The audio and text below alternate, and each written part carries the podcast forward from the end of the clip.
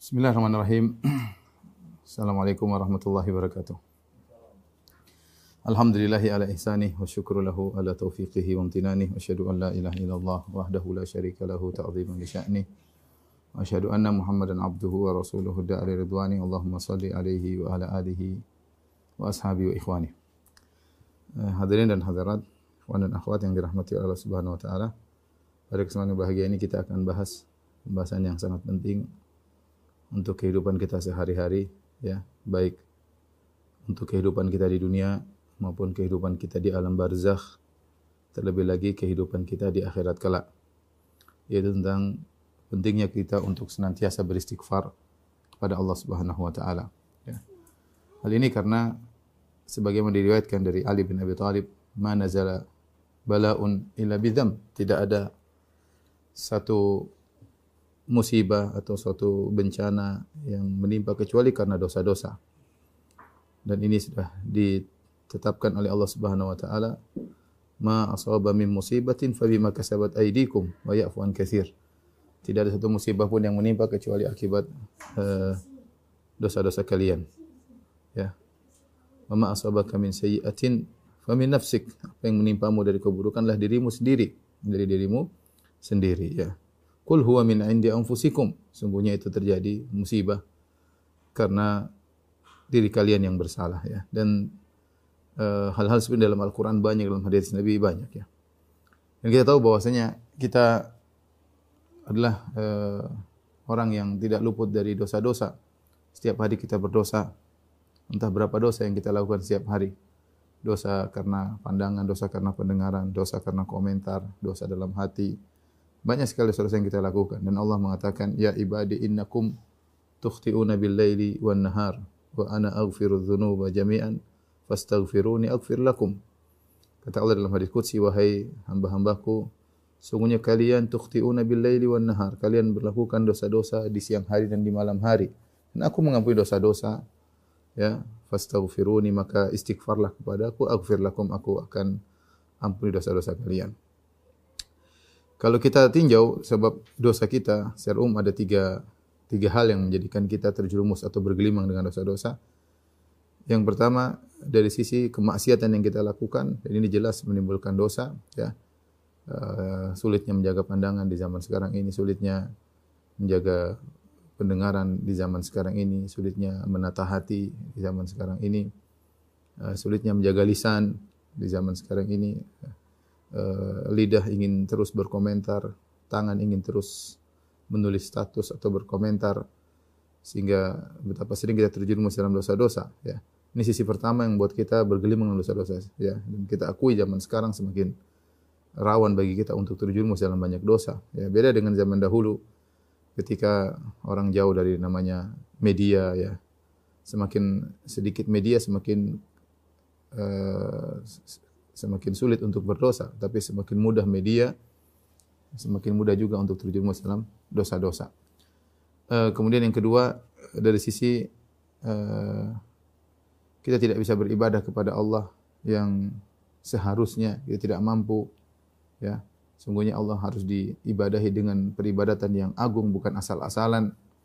Ya tapi siapa di antara kita yang bisa beribadah dengan uh, yang seharusnya ya oleh kerana orang-orang solehin mereka mengetahui akan bagaimana agungnya Allah sehingga mereka beristighfar di penghujung ibadah mereka.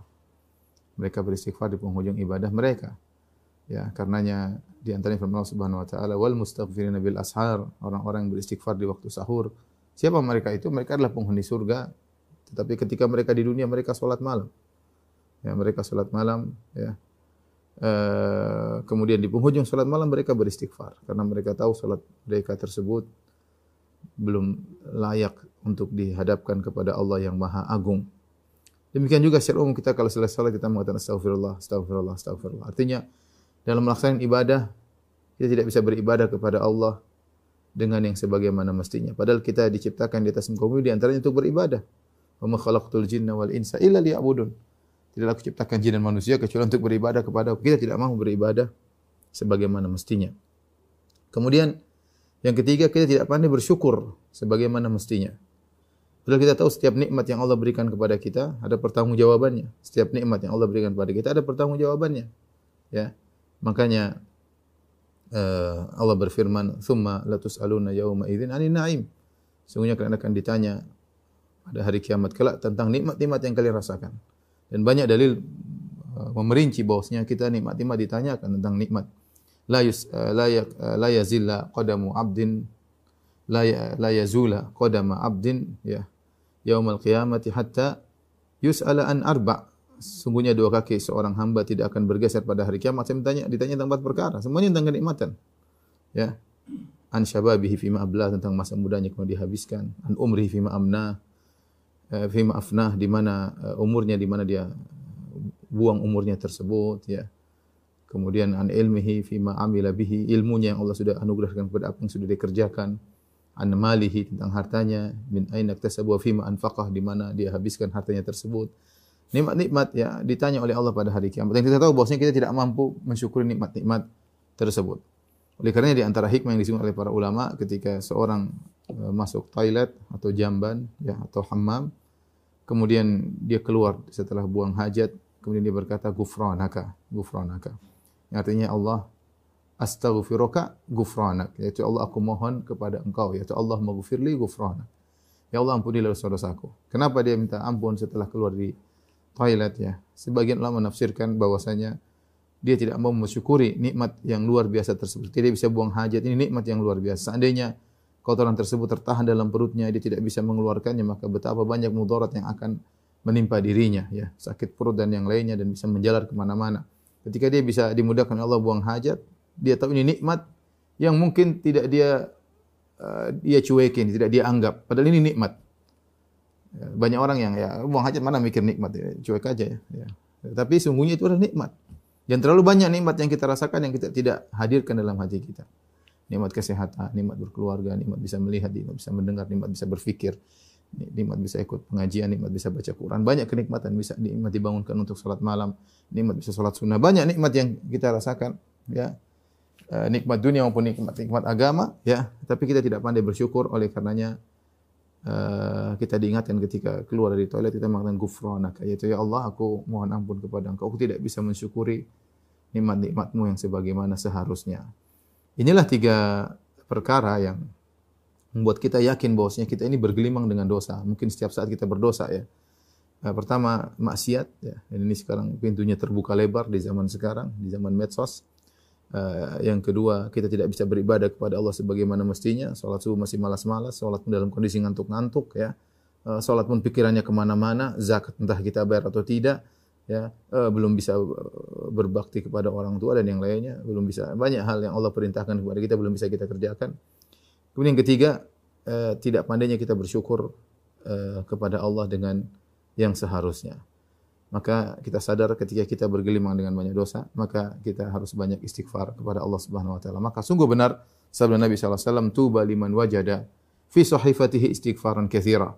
Sungguh beruntung orang yang mendapati dalam catatan amalnya banyak istighfar. Dia beruntung.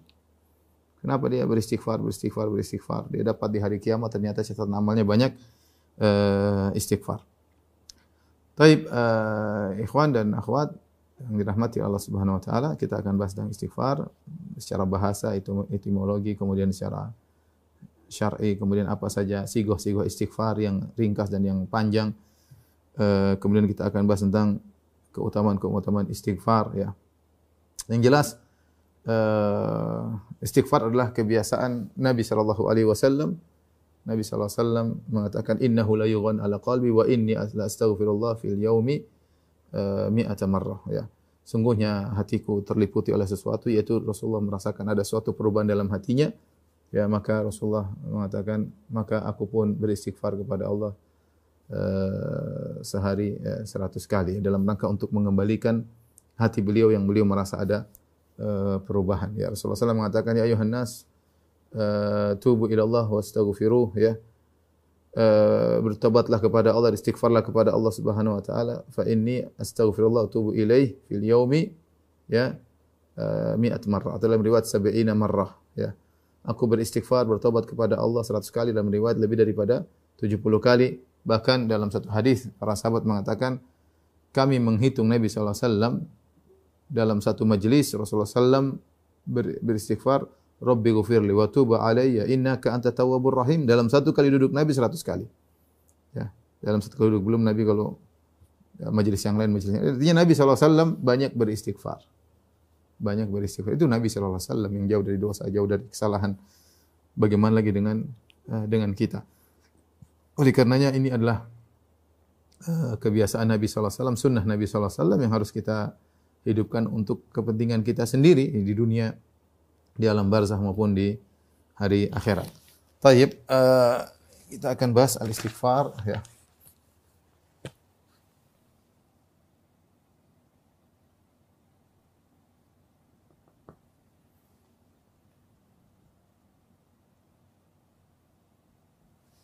Taib al-istighfar uh, secara bahasa ya. Diambil dari istaf'ala yaitu istighfara. Istighfara yaitu dari wazan istaf'ala yang menunjukkan talab ya. Yaitu meminta. Istaf'ala itu artinya uh, menunjukkan permintaan permohonan ya uh, seperti uh, banyak dalam bahasa Arab ya, ya. misalnya uh, istakhraja meminta untuk keluar misalnya ya. Dia istighfar minta untuk maghfirah ya. Jadi artinya memohon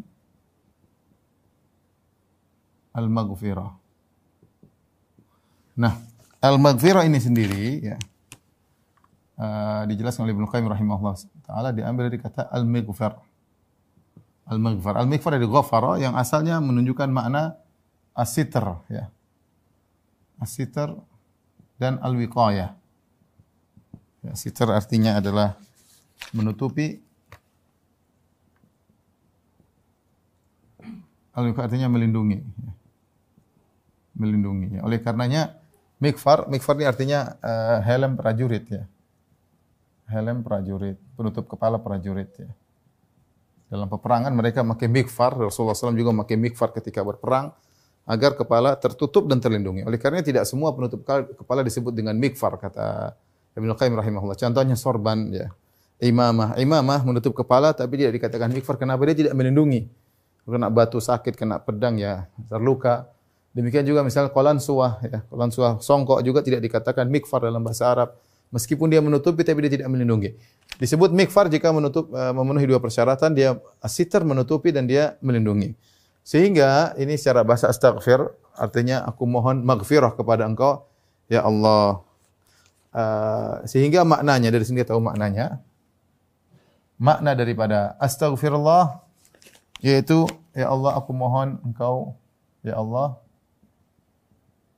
tutupi aibku dosa-dosaku di dunia dan di akhirat. Semuanya penting. Ditutupnya aib di dunia penting. Kalau aib kita dibuka, entah apa yang terjadi dalam kehidupan kita, kehidupan kacau, frustasi, stres, semua orang tahu aib kita. Betapa banyak orang tidak bisa menahan malu, akhirnya bunuh diri. Ya, tapi dengan rahmat Allah, Allah menutup aib kita di dunia. Yang lebih penting lagi adalah Allah menutup aib kita di di akhirat. Jadi istighfar artinya menutup minta kepada Allah menutup aib di dunia maupun di akhirat. Kemudian juga makna istighfar artinya ya Allah Astagfirullah artinya ya Allah uh, lindungi aku dari dampak dosa-dosa dosa-dosa yang aku lakukan. Lakukan di dunia maupun di akhirat. Karena dosa pasti ada dampaknya ya. Dosa pasti ada dampaknya, perhatikan ya. Ya, dosa pasti ada dampaknya. Sadar aku tidak sadari. Ya, terkadang kita tidak sadari tapi ternyata dia ada dampaknya. Dampak berkaitan dengan dunia kita, dampak berkaitan akhirat kita. Seorang mungkin sulit untuk uh, khusyuk dalam sholat. Kenapa? Karena dia berdosa. Seorang jadi pelit. Kenapa? Dia berdosa. Seorang tidak perhatian sama fakir miskin. Dia berdosa. Banyak hal-hal yang pasti ada dampaknya. Makanya kita ketika astagfirullahalazim, ya Allah aku mohon kepada Engkau maghfirah maksudnya Allah tutupi aib-aibku di dunia dan di akhirat. Dosa-dosaku tutuplah jangan kau bongkar. Maknanya ya Allah, lindungilah aku dari dampak dosa-dosa yang aku lakukan di dunia maupun di akhirat. Ya. Sebagaimana helm prajurit melindungi kepala seorang prajurit dari hantaman senjata. Ya. Ini uh, secara uh, bahasa. Baik. Dan juga secara istilah ya. Secara bahasa dan istilah. Baik, pertanyaan berikutnya uh, apa bedanya istighfar dengan taubat?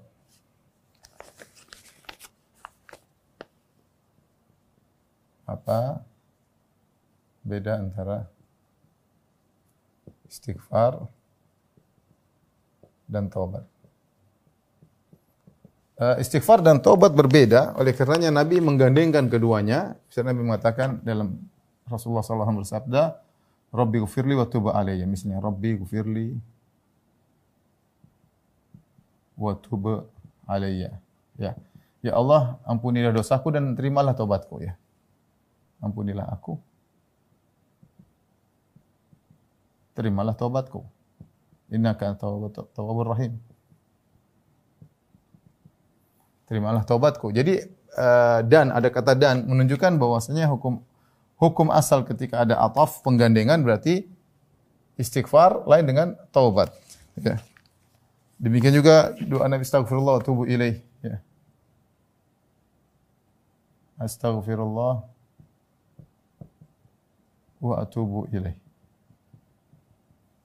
Beda lagi. Aku istighfar, aku bermohon ampun kepada engkau, aku istighfar dan aku bertobat.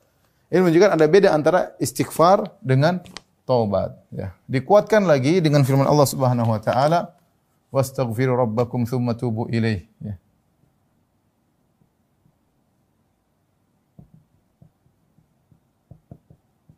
Tubu ilaih ya. Beristighfarlah kepada Rabb kalian lalu bertobat. Artinya istighfarlah kepada Rabb kalian Lalu, perhatikan, lalu bertobatlah. Ini semua menunjukkan bahwa istighfar ada perbedaan dengan tobat. Terus apa perbedaannya? Uh, bedanya ya. Uh, kalau kita kasih kalau kita kasih bagan ya. Sini ada taubat. Sini ada istighfar. Kalau tobat meninggalkan dosa tersebut.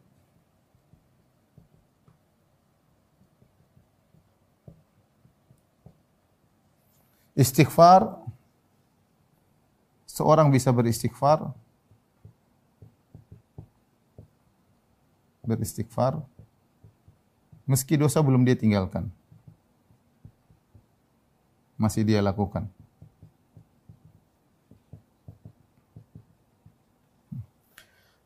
Adapun taubat dia harus meninggalkan dosa dosa tersebut. Dari sini kita tahu bahwasanya taubat itu adalah puncak istighfar.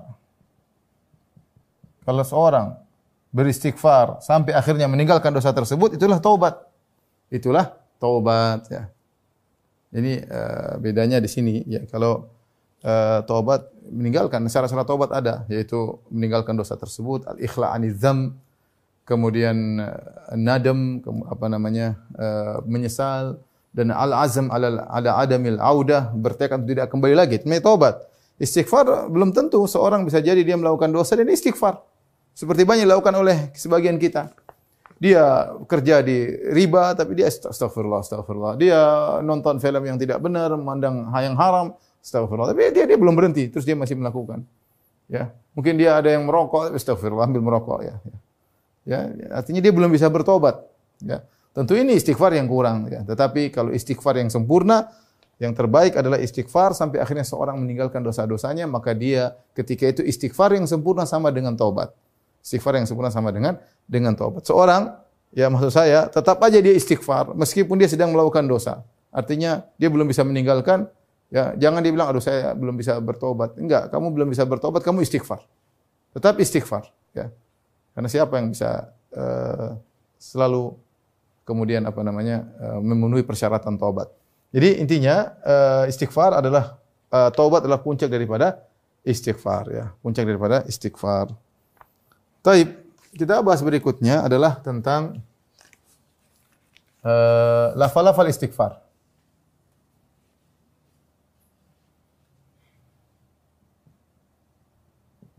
Lafal-lafal istighfar. Jadi istighfar adalah doa ya, doa mohon ampun namanya istighfar. Mungkin kita bisa bagi dua. Al-alfaz al-mukhtasarah yaitu lafal-lafal yang singkat. Kemudian lafal-lafal yang panjang ya.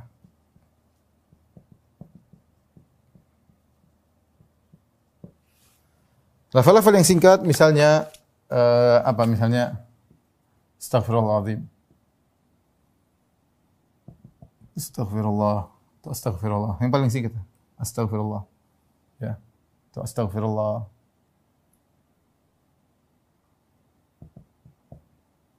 Astaghfirullahaladzim. Astaghfirullah wa atubu ilaih.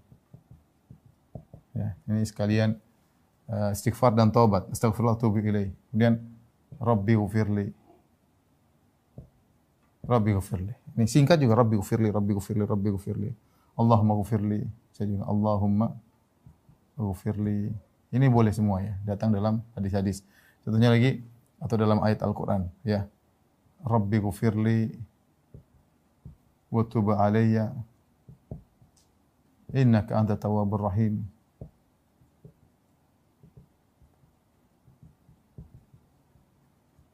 Ini juga pendek. Rabbi ghafirli wa tub alayya innaka anta tawwabur rahim. Mudah kita untuk uh, mengucapkannya ya. Astaghfirullahaladzim alladzi la ilaha illa huwal hayyul qayyum wa atubu ilaih. Ini juga mudah dihafalkan.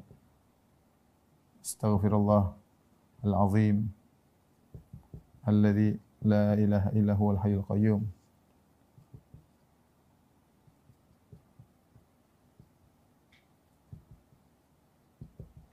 wa atubu ilaih.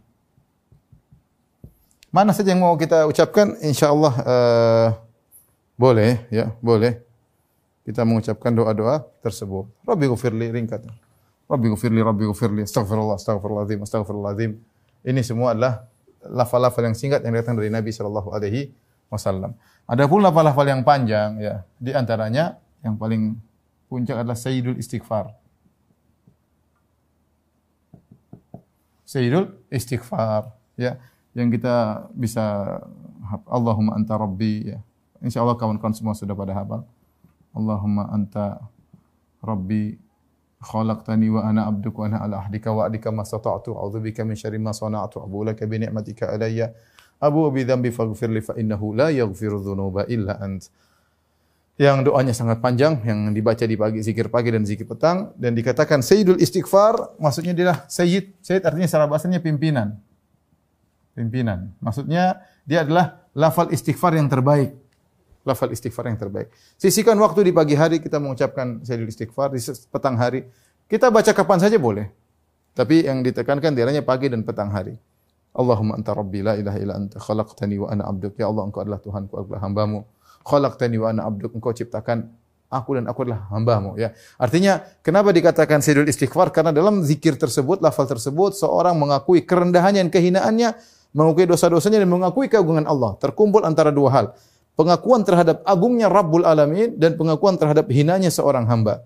Dia mengakui dosa-dosanya maka dia mengatakan faghfirli ampunilah aku ya Allah Subhanahu wa taala. Demikian juga misalnya Allahumma inni zalamtu nafsi zulman katsiran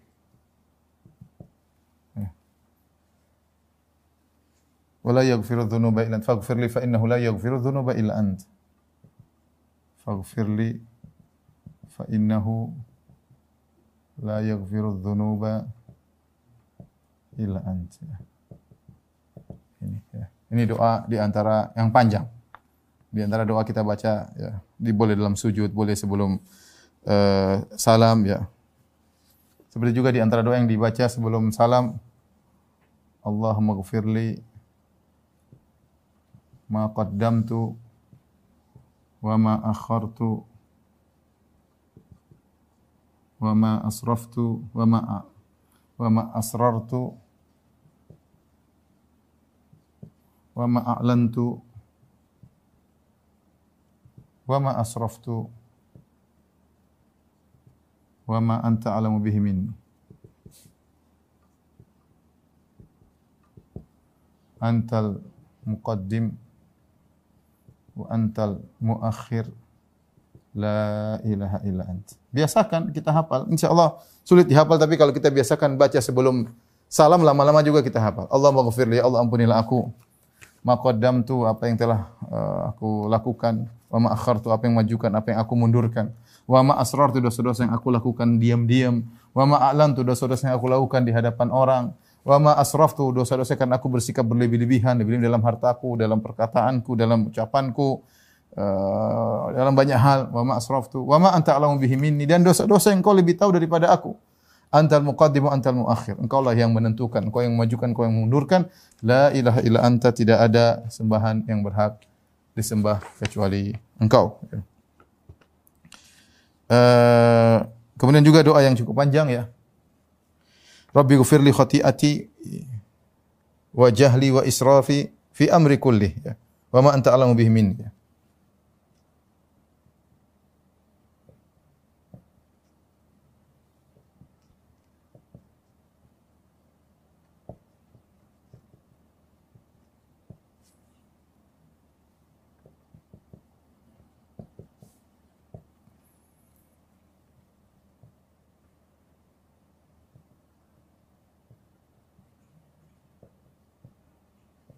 Wa anta alamu bihi minni. Allahumma ighfir li khataaya wa amdi wa jahli.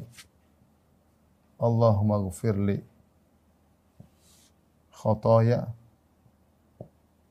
ya wa amdi wa jahli.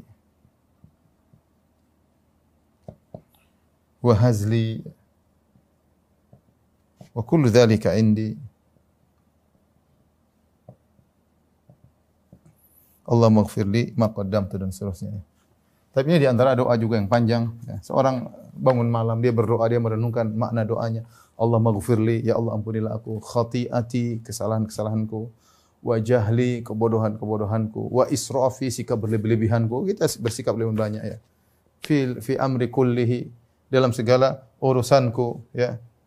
Wa ma anta alamu bihi dan apa yang dosa-dosa yang kau lebih tahu daripada diriku sendiri. Karena banyak dosa-dosa kita tidak sadari. Engkau lebih tahu. Allah maghfirli khataya Ya Allah, uh, ampunilah dosa-dosaku, ya.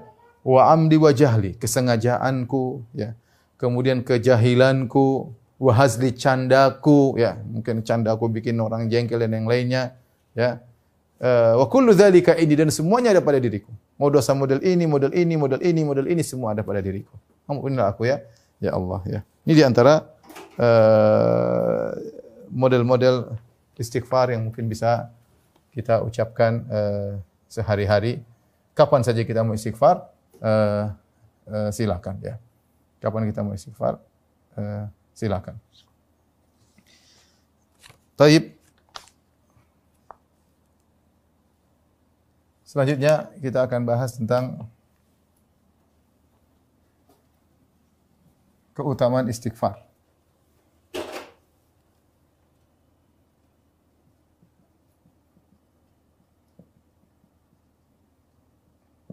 Istighfar. Di antara perkataan yang menakjubkan dari Syekhul Islam Ibnu Taimiyah rahimahullahu taala, eh, beliau mengatakan dalam kitab Jami' al-Masail jilid 1 ya, halaman 277 saya baru lihat tadi, beliau berkata, "Bal istighfaril insan aham min jami'il adiyah." Kata beliau, "Bal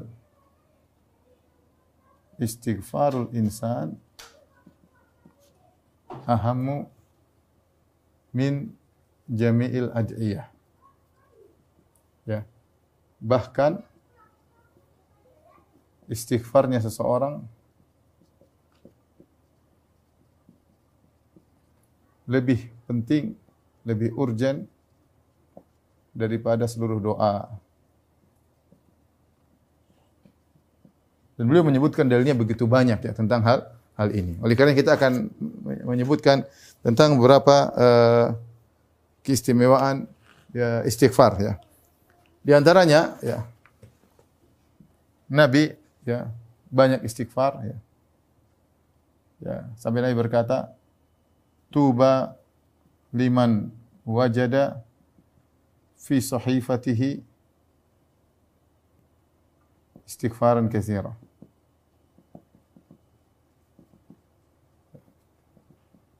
Jadi uh, Nabi banyak beristighfar. Banyak beristighfar. Banyak beristighfar. Nabi sendiri banyak beristighfar menunjukkan istighfar sangat sangat penting. Bahkan dia mengatakan sungguh beruntung orang mendapati dalam catatan amalnya istighfar yang banyak. Beruntung. Dia disebut oleh Nabi dengan orang yang tuba, mendapatkan keberuntungan, mendapatkan surga. Kemudian di antaranya istighfar ya. Istighfar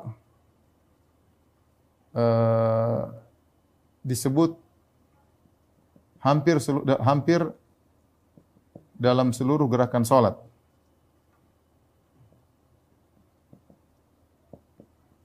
Ya. Ya, kalau kita perhatikan salat hampir isinya semua istighfar ya. Kita mulai dari misalnya uh, setelah takbiratul ihram doa istiftah. Doa istiftah di antaranya kita berdoa Allahumma ba'id baini wa baini khotoyaya kama Allah ba'id baini wa baini khotoyaya kama ba'ata bainal masyriq wal maghrib. Allahumma nakini minal khotoya kama inaqal thabul abyadu minad danas. Allahumma ksili min khotoyaya ini istighfar. Ya Allah jauhkanlah aku dari uh, kemaksiatan dosa-dosaku dari dosa-dosaku. Sebagaimana kau jauhkan antara timur dan barat. Ya Allah bersihkanlah aku dari dosa-dosaku. Istighfar. Sebagaimana kau membersihkan baju putih dari kotoran-kotoran. Ini istighfar kepada Allah. Kemudian juga di antara doa istiftah yang panjang dari Ali bin Abi Thalib dari Imam Bukhari di mana Ali bin Abi Thalib ketika beliau mengatakan Rasulullah SAW kalau sudah takbiratul ihram Nabi baca doa istiftah yang panjang ya. Itu wajjahtu wajhiya lilladzi fatara samawati wal ard hanifa wa ma ana minal musyrikin. Inna salati wa nusuki wa mahya wa mati rabbil alamin la syarika lahu wa bidzalika umirtu wa ana minal muslimin. Allahumma antal maliku la ilaha illa anta. Anta rabbi wa ana abduk. Ya. Anta rabbi wa ana abduk. Zalamtu nafsi wa ataraftu bidhambi. Ya Allah, aku adalah hambamu, engkau adalah Tuhanku. Zalamtu nafsi, aku telah menzalimi diriku. Wa ataraftu bidhambi. Dan aku mengakui dosa-dosaku. Ya. Faghfir li dhunubi jami'an. Innahu la yaghfiru dhunuba illa ant. Ampunilah dosa-dosaku seluruhnya. Sungguhnya tidak ada yang mengampuni dosa-dosa kecuali engkau. Ini doa istiftah ya. Kemudian uh, wahdi li ahsanil akhlaqi la yahdi li ahsaniha illa ant wasrif anni sayyi'ah la yasrifu anni sayyi'ah illa ant. Labbaik wa sa'daik wal khairuhu wal khairu kulluhu fi yadaik wa syarru laysa ilaik. Ya. Ana bika wa ilaik. Tabarakta wa ta'alait. Astaghfiruka wa atubu ilaik. Ini doa istiftah yang cukup panjang. Seorang berusaha menghafalnya dan berusaha membiasakannya di antara sholatnya dia baca doa istiftah tersebut. Di tengah-tengah doa istiftah tersebut ada perkataan Nabi sallallahu alaihi wasallam Zalamtu nafsi wa ataraftu bi dhanbi faghfir li dhunubi jami'an innahu la yaghfiru dhunuba la yaghfiru dhunuba illa ant. Ya Allah aku mengakui dosa-dosa aku, aku menzalimi diriku, ambillah dosa-dosa. Kemudian di akhir dari doa istiftah tersebut, astaghfiruka wa atubu ilaik. Aku mohon ampunan kepada engkau dan aku bertobat kepadamu. Ini doa istiftah tadi kita telah sebutkan dua doa istiftah yang menunjukkan istighfar. Tapi seorang kemudian baca Al-Fatihah kemudian baca kemudian dia ruku. Ruku ya, boleh kita beristighfar sebagaimana dalam hadis uh, ketika turun firman Allah Subhanahu wa taala, "Idza jaa nasrullahi wal fath wa ra'aita an-nasa yadkhuluna fi dinillahi afwaja fasabbih bihamdi rabbika wastaghfir innahu kana tawwaba." Uh, jika telah datang pertolongan dari Allah, tidak datang kemenangan bagi engkau, orang-orang masuk Islam berbondong-bondong, maka fasabbih bihamdi rabbika wastaghfir bertasbihlah dan istighfarlah. Ketika turun ayat ini Nabi menerapkan dalam ruku dan sujud. Doanya apa? Subhanakallahumma rabbana wa bihamdika Allahumma gfirli. Itu boleh dibaca. Kita ruku kita boleh baca subhanallah azim, subhanallah azim wa bihamdihi boleh. Di antaranya subhanakallahumma rabbana wa bihamdika Allahumma gfirli. Ya, maha suci engkau ya Allah, Allah maghfirli ampuni aku. Dalam ruku kita bisa beristighfar. Tapi tidak sami Allah liman hamida rabbana walakal hamdu. Tidak tidak ada istighfar. Ya. Tetapi kalau kita baca doa kunut, kita boleh beristighfar dalam doa kunut. Di antaranya kunutnya Umar bin Khattab radhiyallahu taala anhu, Allahumma inna nasta'inuka wa nastaghfiruk. Ya. Wa nusni 'alaikal khaira kullahu. Ya. wa la nakfuruk wa nakhla'u wa natruku man yafjuruk ya kata Umar bin Khattab radhiyallahu ya Allah ya kami mohon pertolongan kepada Engkau dan kami mohon ampunan kepada Engkau dan doa kunut kita boleh berdoa di antaranya dengan istighfar. Taib kemudian kita sujud. Sujud tadi saya sebutkan di antara doa sujud kita boleh berdoa. Subhanakallahumma rabbana wa bihamdika Allahumma ighfir. Subhanakallahumma rabbana wa bihamdika Allahumma ighfir. Jadi sujud juga ada istighfar. Duduk di antara dua sujud kita beristighfar. Nabi diriwayatkan mengulang-ulang Rabbi gufirli, Rabbi gufirli, Rabbi gufirli. Allah ampunilah aku ya Allah ampunilah aku. Istighfar. Rabbi gufirli, Rabbi. Di antaranya yang sering kita baca, Rabbi gufirli warhamni wajiburni warfa'ni wahdini wa'afini warzuqni dan seterusnya. Ya, istighfar. Saat kala uh, duduk di antara uh, dua sujud. Kemudian juga setelah tasyahud kita beristighfar. Tadi doa-doa ini Allahumma inni uh, rabbi Allahumma ighfir li ma qaddamtu wa ma akhartu wa ma asrartu wa ma alantu. Ini tuh di antara doa menjelang salam sebelum salam beristighfar Ketika kita salam, Assalamualaikum warahmatullahi wabarakatuh, kita istighfar. Astagfirullahaladzim, astagfirullahaladzim, astagfirullahaladzim. Subhanallah. Salat ibadah yang terbaik. Isinya istighfar. Isinya istighfar. Isinya istighfar. Oleh karena ini menunjukkan bahwasanya istighfar sangat utama. Bahkan Ibnu Taimiyah mengatakan tadi, istighfarnya seorang lebih penting daripada segala dosa-dosanya. Lebih penting, eh, lebih penting daripada doa-doa yang eh, yang lain ya. Eh, Kemudian di antaranya istighfar ya.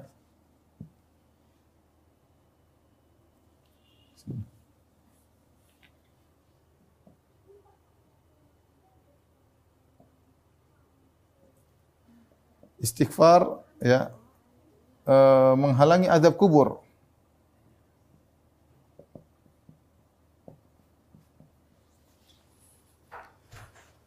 Dalam satu hadis ketika Nabi sallallahu alaihi wasallam eh, menguburkan jenazah, kemudian Nabi sallallahu alaihi wasallam berkata, "Istaghfiru li akhikum was'alullaha lahu tathbit." Kata Nabi sallallahu alaihi wasallam, ya, mohonkanlah ampunan bagi saudara kalian. Mohonkan Allah kepada Allah agar dia mampu untuk kokoh. Fa innahu al-an yus'al, sungguhnya sekarang dia sedang ditanya. Ketika Nabi SAW mengkaitkan antara istighfar dengan pertanyaan malaikat mungkar dan nakir dan di mana kalau seorang tidak bisa jawab akan diadab dengan adab kubur menunjukkan bahwasanya istighfar punya pengaruh untuk menghalangi seorang dari adab kubur. Ya. Mempunyai pengaruh dalam menghalangi seorang dari adab kubur. Maka seorang banyak istighfar insyaallah dia bisa menjawab pertanyaan malaikat mungkar dan nakir. Karena Nabi mengatakan ketika Nabi mengantarkan jenazah, istighfir li akhikum. Dan itu Nabi SAW banyak menyuruh untuk mohon ampunan kepada orang sudah meninggal dunia. Contoh, ketika Najasyi radhiyallahu taala anhu ya yang dia adalah seorang yang saleh ketika meninggal di Habasyah Rasulullah SAW mengabarkan bahwasanya Najasyi sudah meninggal kata Rasulullah SAW istaghfiru li akhikum. Mohon ampunlah mohonlah ampunan bagi saudara kalian Najasyi demikian juga ketika Nabi SAW mengabarkan tentang peperangan yang terjadi dalam Ghazwah Mu'tah perang Mu'tah di mana dipimpin oleh tiga uh, umara tiga pemimpin. Yang pertama dipimpin oleh uh, oleh Zaid bin Harithah, kemudian Ja'far bin Abi Thalib, kemudian Abdullah bin Rawaha. Nabi mengatakan, "Kutila Zaid syahidan, istaghfiru li akhikum." Nabi di Madinah tidak ikut perang, Nabi kabarkan, "Sungguhnya saudara kalian Zaid bin Harithah meninggal dunia mati syahid. Istaghfiru li akhikum." Mohon ampunan bagi dia. Berarti uh, ampunan luar biasa. Dia punya dia punya uh, mohon ampunan istighfar ini punya dampak yang luar biasa. Nabi tidak mengatakan mintakan yang lain, tapi dia mengatakan istaghfiru li akhikum. Mohon ampunan buat dia. Kemudian Ja'far bin Abi Thalib memegang bendera peperangan kemudian meninggal tangannya terpotong. Nabi mengatakan kutila Ja'far syahidan istaghfiru akhikum. Ja'far meninggal dunia, mohon ampunan bagi dia. Abdullah bin Rawaha kemudian mengambil bendera peperangan kemudian dia meninggal juga kata Nabi sallallahu alaihi wasallam meninggal dia Abdullah bin Rawaha meninggal istaghfiru akhikum mohon ampunan baginya ya ini dalil bahwasanya istighfar uh, luar biasa ya menghalangi seorang dari azab uh, azab kubur ya Kemudian di antara yang menakjubkan, doa yang dipilih oleh malaikat. Yang dipilih oleh malaikat. Untuk orang beriman.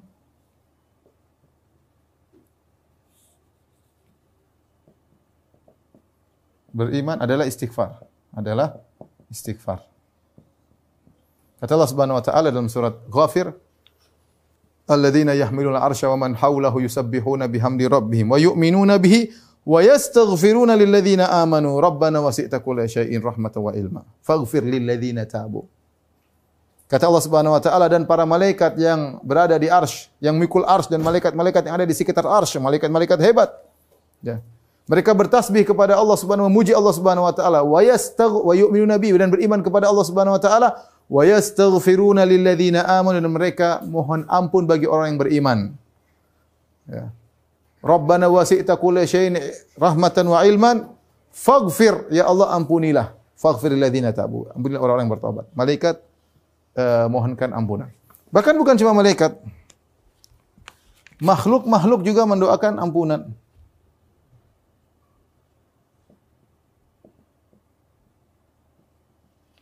Memohon istighfar untuk orang beriman. Kata Nabi sallallahu alaihi wasallam, "Wa innal alim la yastaghfiru lahu." Sungguhnya seorang yang alim akan memohon ampunan baginya Man fis samawati man fil ardi hatta al-hitani fil bahr. Kata Nabi, sungguhnya seorang yang alim akan dimohon ampunan untuknya siapa semua yang di langit dan bumi. Malaikat mohon ampun buat dia, bumi mohon ampun bagi dia, bahkan hewan-hewan, bahkan ikan di lautan akan mohon ampunan bagi dia. Apa yang dipilih oleh makhluk? Istighfar. Agar ini orang diampuni. Karena istighfar ini doa yang luar biasa. Istighfar doa yang uh, luar biasa. Ya. Taib, uh, di antaranya ya ketika Nabi wasallam menyuruh Umar bin Khattab menyuruh Umar untuk minta didoakan ampunan oleh Uwais Al-Qarni. Oleh Uwais Al-Qarani ya. Al Qarani. Dalam hadis yang ma'ruf dalam sahih Muslim, khairu tabi'in Wais al-Qarani. Sebaik-baik tabi'in adalah Wais al-Qarani. Nabi sebutkan akan datang dari uh, pasukan dari Yaman sifat-sifatnya begini-begini. In laqiyahu ahadukum ya. Ya. Kalau salah seorang dari kalian bertemu salah seorang dari bertemu dengan dia, maka mohonlah agar dia mengampuni, mohon ampunan buat an yastaghfir lakum, agar dia mohon ampu, mohon ampunan buat kalian. Akhirnya Umar setiap ada dari Yaman, Umar bertanya, Afikum Uwais, apakah ada orang namanya Uwais? Sampai ketemu Uwais dari koran, ciri-cirinya begini, punya penyakit baros, dia tinggalkan ibunya terus. Sampai Uwais mengatakan, heran dari mana kau tahu? Akhirnya Umar mengatakan, Nabi menyatakan kepadaku, untuk aku mohon agar kau mendoakan ampunan bagiku. Artinya Uwais ini doanya sangat mudah dikabulkan. Ketika doanya Uwais mudah dikabulkan, apa yang Nabi suruh agar Umar minta apa? Minta agar istighfar. Ini menunjukkan doa spesial istighfar. Istighfar. Bukankah istighfar mengangkat derajat di surga?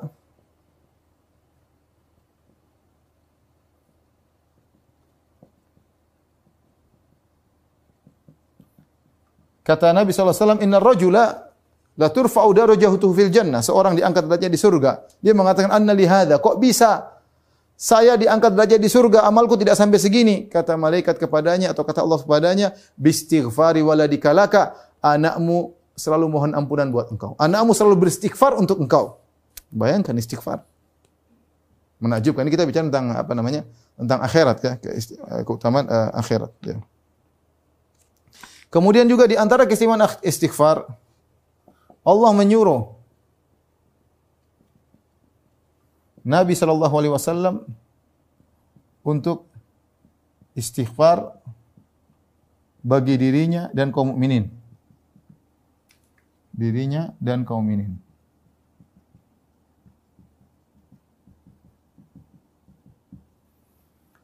Fa'lam annahu la ilaha illallah wastaghfir li dhanbik wal mu'minin wal mu'minat. Wallahu ya'lamu taqallabakum wa mathwaakum. Kata Allah Subhanahu wa taala, Fa'lam annahu la ilaha illallah. Ketahuilah Muhammad. Ya Rasulullah, tidak ada yang berhak disembah kecuali Allah Subhanahu wa taala. Wastaghfir li dzambik. Mohonlah ampunan untuk dirimu walil mu'minin dan mohon ampunan buat orang-orang beriman. Doanya Nabi, Nabi disuruh agar mohon ampunan buat orang beriman, ya. Nabi Nuh juga disuruh. Eh, kita tambahkan lagi Nabi Nuh. Apa Nabi doa? Rabbi ghufirli wali walidayya. Rabbi ghufirli ya Allah ampunilah aku wali walidayya kedua orang tuaku waliman dakhala baitiya mu'minan walil mu'min wal mu'minat. Nabi Nuh juga berdoa ampunan buat dirinya, buat kaum mukmin kaum mukminat. Nabi Nuh berdoa ya.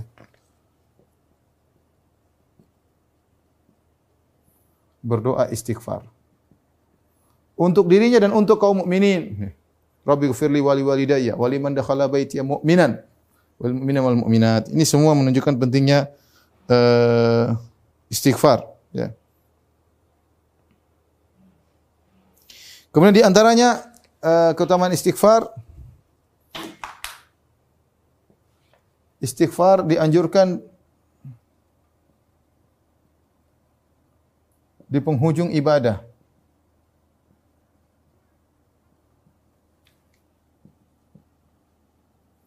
Makanya ketika selesai sholat orang mengatakan astagfirullah, astagfirullah, astagfirullah. Ya Allah ampunilah aku, ampunilah aku. Kemudian juga saya sebutkan uh, uh, uh, wal mustaghfirina bil asar dalam surat Al-Imran ketika Allah menyebutkan tentang penghuni surga Allah sebutkan mereka sabar, mereka berinfak di jalan Allah. Kemudian di akhirnya wal mustaghfirina bil ashar mereka beristighfar di waktu sahur. Beristighfar di waktu sahur maksudnya apa? Maksudnya mereka setelah sholat malam. Setelah sholat malam mereka beristighfar. Ya, menunjukkan di penghujung ibadah mereka tidak sombong, tidak ujub. Tidak. Beristighfar. Lihat Nabi SAW setelah berdakwah 23 tahun, Allah suruh Nabi beristighfar. Nabi berdakwah 23 tahun, 13 tahun di Mekah, 10 tahun di Madinah. Dengan hasil yang luar biasa, dengan sahabat-sahabat yang luar biasa, Abu Bakar, Umar, Uthman, Ali dan sahabat-sahabat yang luar biasa akhlak mereka, luar biasa luar mereka.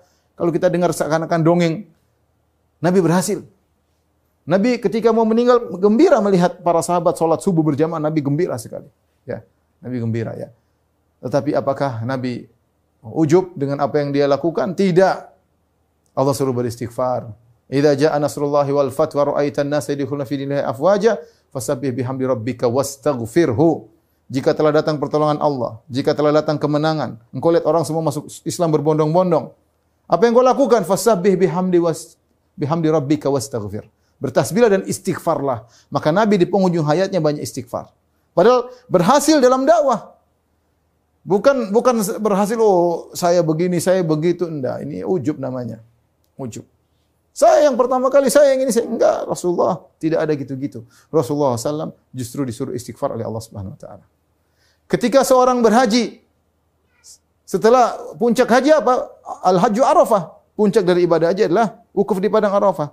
Di situ kita istighfar, minta ampun Allah turun ke langit dunia, memberi ampunan dan yang lainnya. Allah membanggakan Unzuru li ibadi haula'i ja'uni syu'zan ghubran ushidukum anni qad ghafartu lahum. Kata Allah, lihatlah para jemaah haji mereka datang kepadaku. Rambut semeraut penuh dengan debu. Saksikanlah wahai para malaikatku. Yubahi bihumul malaika. Allah membanggakan para jemaah haji jemaah haji di hadapan para malaikat. Aku telah ampuni mereka. Tapi apakah setelah mereka keluar dari Arafah mereka sombong angkuh ujub tidak? Thumma afidhu min haitsu afadhan nas wastaghfirullah.